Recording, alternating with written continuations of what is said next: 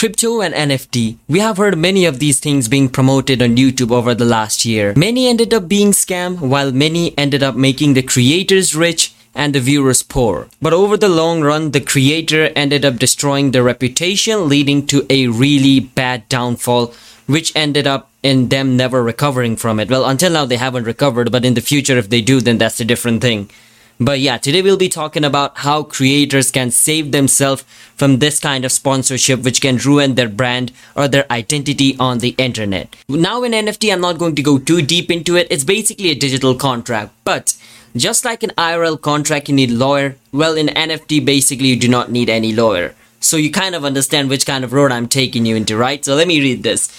Now, in IRL contract, you kind of need a lawyer, but for NFT, oh no, you don't need a lawyer. That's why so many creators were able to scam people and still not end up in jail. That's the great thing about NFT. Like if a creator scams their viewers, then their viewers can't do anything. What are they going to report to? They just signed a contract with no lawyers.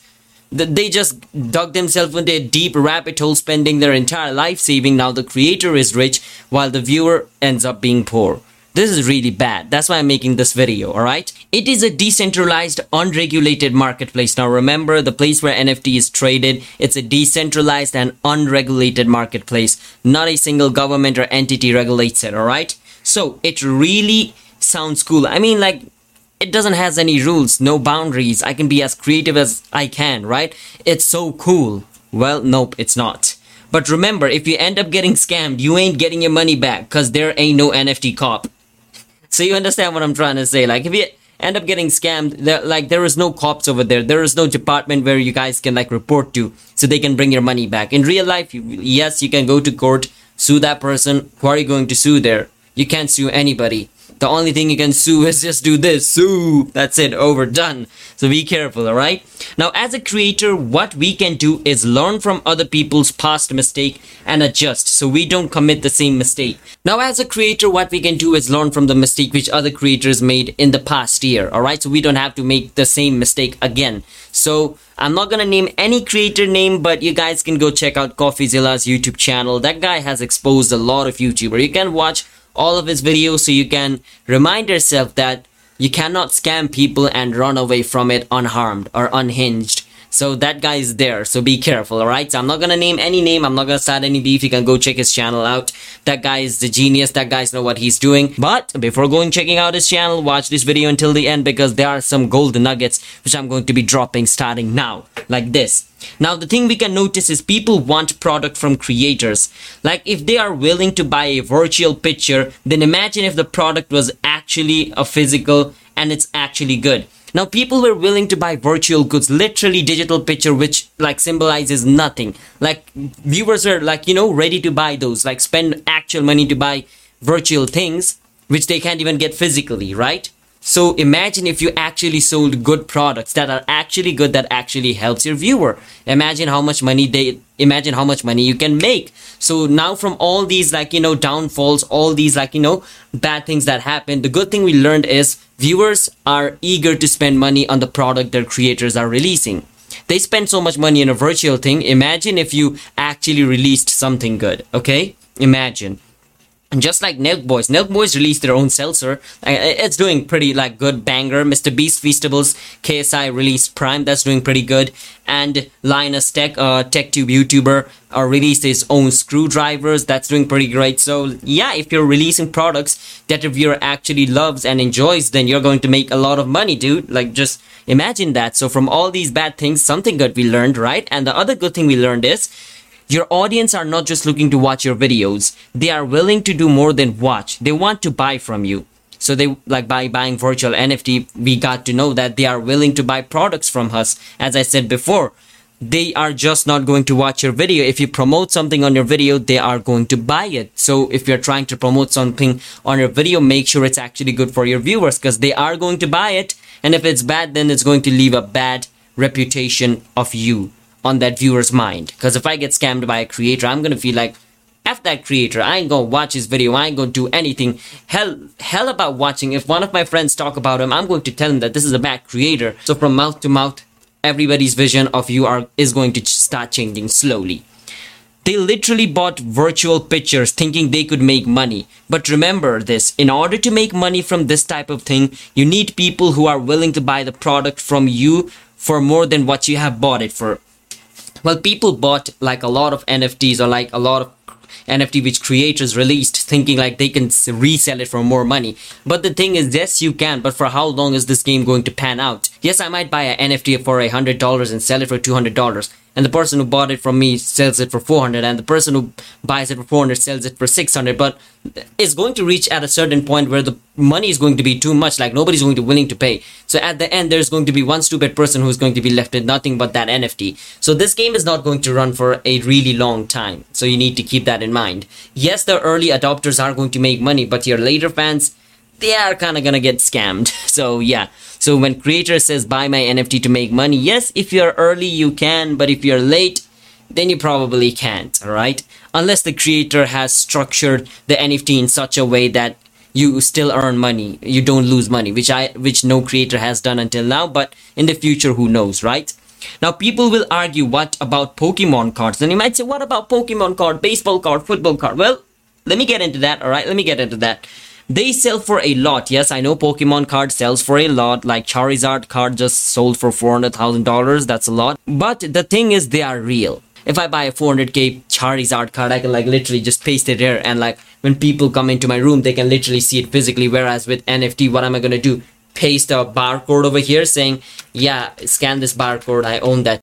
When I can just screenshot it and just print it out like this. Like there's a difference between physical and virtual good. Like yes, people do enjoy virtual goods like the in-game item, but like NFT and in-game item, we kind of can't compare it. Yes, there are some NFT which which has games and you can use that, but like right now there aren't any good NFT games which is as good as GTA 5, Fortnite, Minecraft and stuff like that. Hey, bro, there is not even a Minecraft. Bro, Minecraft is like the easiest game and it's still not being developed there. So you have to understand like that platform is really slow.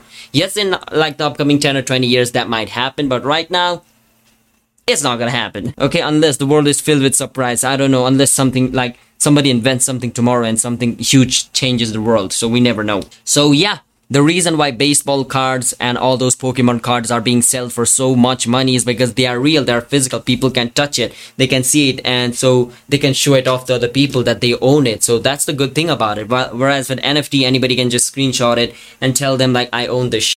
Well, they actually don't. So you need to remember that. Now, some creators might say I bought some NFTs because of the art, because the art was really good. So some creator might say, hey, you might want to buy my NFT because the art is really good. Yes, some creators might say that. But remember, if you guys have not heard of CryptoPunks, you can see this picture, CryptoPunk. Yeah, these were being sold for millions of dollars. Why? Because people thought this was really cool artwork, literally. Like, it looks like even a fifth grader can make it using Photoshop. And people are saying they bought it for art. If somebody says they bought this art, then like I'm going to tell you, slap him and wake him up to reality. That is not art, all right? You can uh, if that is art, then this is art. If somebody wants to buy this for fifty thousand dollars, contact me right now. This is art, which I made, so it's art. At this point, I can say anything is art and sell it for so much. I mean, like people are willing to buy it at that point. But right now, like it's not really good. It's not looking really good for all the people who bought those things. In the future, they might feel good. In the future, it might go up again, but in the current state, it's really down. Really, really, really down. So you have to understand as well. Now, a better example of NFT could be like what Gary Vee has done. Now, if you want to know a better example of how an NFT should be sold, and how the community and how the people are going to win and you are also going to win is you can look at Gary Vee's NFT called VeeFriends. I have not been sponsored by them, alright? You can go check them out. Basically like he has managed this really well. Like people who buys his nft gets like you know invited to some of his special events like private group meetings and all those stuff. So and he also has like a private like patreon. Like in patreon you need to all right most people they don't know patreon. Like onlyfans you pay some money to get access to like those cool pictures right? I have to say cool pictures. I don't want to get demonetized. Similar to that, like if you have like the NFT of Gary Vee, you get invited to a Gary Vee website through which you guys can put your NFT there. It's going to scan it. Once it knows you're the owner of it, you can enter there and you can and you get access to multitude of many things like his private event, his private this, that, this, that. I'm not a member of that, so I don't know what those private things are. But hey, if you're a member of that private club, comment down below. I want to know what those things are. But yeah, you kind of get what I'm trying to say. Like he has built an entire community around the NFT. His NFT is just not about buying and selling. His NFT is more than buying and selling. Okay, now an important line. Make sure to listen to it very carefully, alright? If it sounds too good to be true, then it's probably a scam. But you know what else is not a scam? TubeBuddy. TubeBuddy is not a scam because it's not too good to be true. Well, with TubeBuddy, it helps you on your YouTube by providing you facilities like testing two of your thumbnails to show which one will perform better, or recommending better titles for your video, and even help you simplify your YouTube analytics so you can understand all these confusing graphs.